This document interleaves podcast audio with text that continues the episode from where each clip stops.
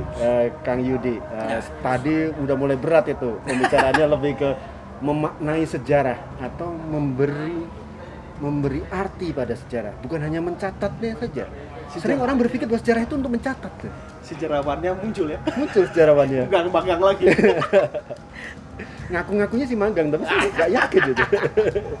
Gimana tuh? Idealnya seperti itu. Idealnya sejarah itu adalah menghadirkan masa lalu, bukan menghadirkan ya. Kita mencatat masa Melihat lalu, masa lalu. melihat masa lalu untuk melangkah ke masa depan. Kita tidak boleh juga melihat terus masa lalu, kita melupakan masa melupakan masa depan. Nggak boleh. Kita lihat ke masa depan terus, tapi nggak melihat ke belakang. Repot. Kita nggak punya contoh. Dan orang tuh udah melakukan kesalahan-kesalahan di masa lalu ya. Ya bisa, wah ini salah nih. Ini salah nih, kenapa diulang? Nah, Nah. makanya ada istilah kan tadi sejarah, sejarah itu berulang. Bukan peristiwanya, tapi polanya. Pola sejarahnya berulang. Sebenarnya kalau sejarah berulang itu sebenarnya kalaupun dia kebodohan, kebodohan yang berulang juga ya. Nah, kayak gini, Kesalahan, kesalahan yang berulang juga. kayak gini. eh, Arnold Toynbee dia mengeluarkan eh, teori tentang peradaban. Jadi sebuah peradaban itu pasti ada munculnya, dia berkembang terus hancur. Semua peradaban di dunia kan seperti itu. Mulanya begitu, semua begitu ya. Pasti ada hancur. Polanya kan seperti itu semua. Itu teruji ya. Ya terbukti kan. Yunani, Romawi, Romawi, terus peradaban Islam pun kan sama Per- ketika bagaimana awalnya terus berkembang Mesir ya, Mesir semua sama Persia, untuk di lokal pun sama kerajaan-kerajaan negara pusat eh, Pasai terus Majapahit. Majapahit sama semua awalnya seperti apa? Naik. berulang, tapi pasti ada jatuhnya. jatuh. Ada berhentinya. Sejarah berulang. Bukan peristiwanya tapi polanya. Nah sejarah itu bisa mencatat itu dari mana mencatatnya lewat artefak-artefak Artefak itu peninggalan ya. ya yang peninggalan apa benda Tadi kan artefak, mentifak ya. Mentifak tuh mental yang Mental, ditinggalkan. yang ada dalam pikiran yang tumbuh di pikiran orang-orang gitu kan Orang-orang yang- orang-orang di sekitar situ sekarang. pendukungnya Pendukung. pendukung sebuah kebudayaan itu kebudayaan atau Kalau misalnya tadi Bandung mentifaknya berarti mereka yakin bahwa waktu itu eh, Bandung tuh dulu eh, dari Bandung Purba bahkan ada ceritanya bahwa itu adalah legenda Sangkuriang itu mentifek cerita yang yang ada yang yang ada dalam kehidupan sehari-hari manusianya. Itu mentifek kalau artefak ya buktinya. Prasasti tertulis buku ini artefak. Prasasti arca patung-patung gerak apa alat-alat pertukangan misal zaman dulu senjata itu kan artefak semua. Jelas itu bisa ketahuan. Dengan uji karbon misal sebuah ya, sebuah carbon keris. dating bisa ketahuan. Nah, Dia dari ini- mana? Tahun berapa? Nah kayak Tak gitu. terbantahkan itu. Iya. Itu itu ilmiah. ini ya itu. Uji karbon kayak gitu. Sejarah. Berat ya kalau sejarah ya? Ini salah saya juga masuk sejarah. Berat ternyata. Bebannya berat tapi ke- kalau ketika kita bisa mem- membawakan sejarah itu dengan ringan dengan populer itu akan lebih nyaman. Eh, saya S2 di pendidikan saya ngobrol beberapa guru saya eh, ngobrol itu mereka bagi beberapa anak siswa sejarah itu tidak menarik membosankan segala macam Karena kayak kayak bicara masa lalu ya. iya soal masa lalu gua udah usang lah udah. Kenapa diobrolin Oh, itu? nggak nggak menarik gitu kan Tidak tidak aktual iya gitu. tapi Tidak ada kekinian Nah, gitu. ya. tapi kontradiktif bisa gitu ketika di sekolah bilang pelajaran sejarah itu membosankan tidak menarik bikin ngantuk segala macam tapi konten-konten kesejarahan begitu banyak. Contohnya om. Hmm. ya kan? Iya. terkait sejarah menggali tentang sejarah. Orang tuh banyak banyak ingin tahuan sebenarnya. terus yang tidak menariknya dari mana? Gitu kan? Kalau di dulu bakal panjang ini bakal panjang. Tapi itu kontradiktif ketika sejarah itu tidak menarik. Di sekolah sejarah mungkin tidak menarik. Tapi mungkin dengan media lain sejarah lebih menarik misal karya wisata misal dengan lihat konten YouTube Tadi ya tentang tentang memaknai sejarah. Karena menurut saya tuh eh, sejarah itu mestinya bisa memberi memberi bekal kepada orang yang berikutnya. Ya tentu saja kalau dia kesalahan jangan diulangi. Nah. kalau dia kebaikan tolong diulangi.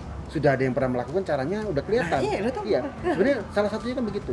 Dan yang paling yang yang yang paling menarik perhatian saya tentang sejarah itu ini Kang Yudi. Kalau kita pada kondisi sekarang 2021 melihat Bandung purba dia berupa danau Hmm. kita memaknai perubahan dari danau ke sekarang.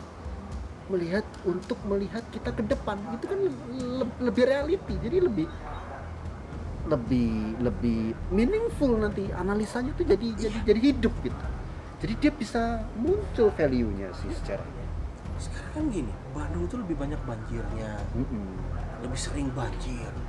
Kalau banjir lama ngeluh gitu ya padahal kan itu dari dulu juga udah ada. Udah. cekungan dia. udah cekungan. Daerah Bandung Timur tuh sering banjir sekarang. Karena dulu dulu sudah mah ini dulunya kita tuh danau. Tempat ngumpulnya air nah sekarang tempat resapan airnya jadi perumahan jadi kawasan sekalian industri, segala parah ya Nah, itulah yang terjadi sekarang. Nah kalau kita tidak bijak menghadapi ini menyikapi ini kalau alam kan kita harus bersanding dengan alam. Itu itu itu sebenarnya fungsi kuatnya sejarah ya. Dia itu melihat ke masa lalu untuk nih loh menunjukkan alam itu bisa marah loh. Iya, alam itu bisa masa- menghukum kita loh. Kalau kita nih, misalnya begitu ya salah satu Iya, jadi sejarah itu menghadirkan masalah, memperlihatkan masa lalu di, di masa Di- sekarang. di masa sekarang, untuk masa depan. Ah, untuk ke depannya. Sejarah seperti itu. Masalahnya kita mau nggak belajar dari sejarah? Iya. Kita mau nggak belajar dari kadang-kadang masa lalu? selain jelas sejarah itu selain kadang-kadang ya pahit ya. Nah, kadang-kadang juga sejarah itu menyedihkan kadang-kadang sejarah itu ironis ya kadang hal itu eh, membuat Nah, itu- hambatan mental juga kita untuk nah, membicarakannya Iya. Dan itulah yang membuat hambatan terbesar. Pak. Ini perlu diceritakan nggak sih? Padahal kalau kita mau jujur, sejarawan mau jujur, itu ya harus ceritakan kenapa untuk biar si generasi generasi mendatang dia tahu oh pernah terjadi loh seperti ini. Kenapa terjadinya? Karena seperti ini. Sebabnya ada. mungkin udah pasti nggak sama ya tapi polanya sama Polanya, polanya, Pola- peristiwanya nggak, peristiwanya kemungkinan besar nggak akan akan sama. Polanya sama. Dan itu terbukti dari dulu. Banyak.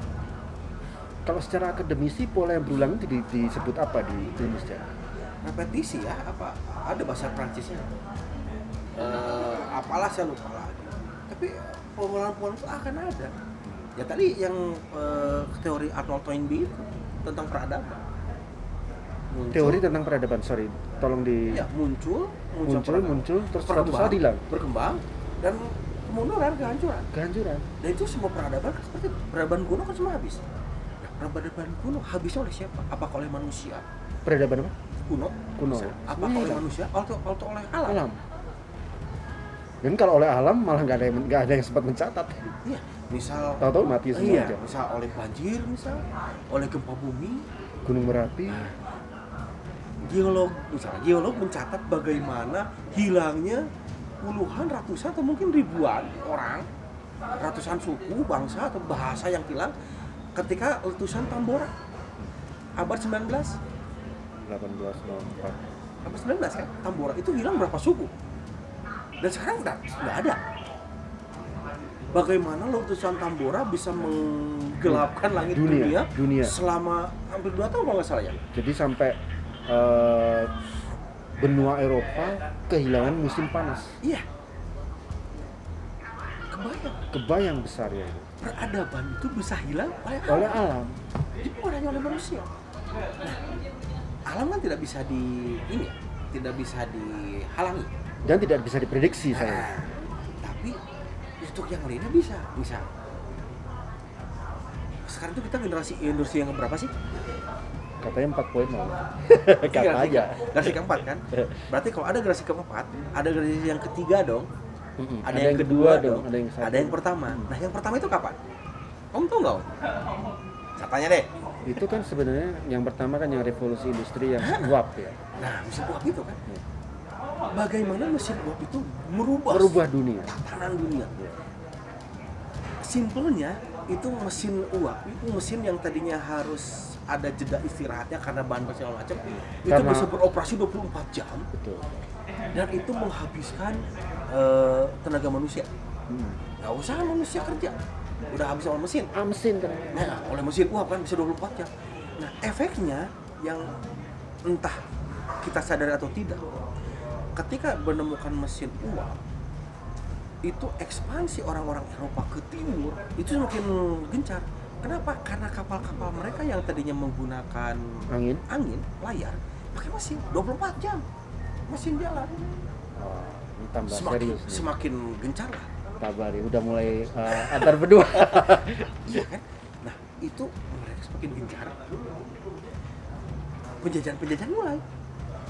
Tapi kolonialisasi 1500 sebenarnya belum masa itu ya iya. Ya sebenarnya kolonialisasi dimulai dari angin juga mereka ya, angin pakai kan, angin juga. setelah, tapi kan setelah ada mesin tambah kencang perjalanan kan semakin cepat. Kalau misalnya ada kereta api jadi tambah nah apa ada kereta api bagaimana kereta api bisa menghubungkan bisa merubah Jawa ya? Ah itu luar biasa kan Luar perubahan biasa. seperti apa?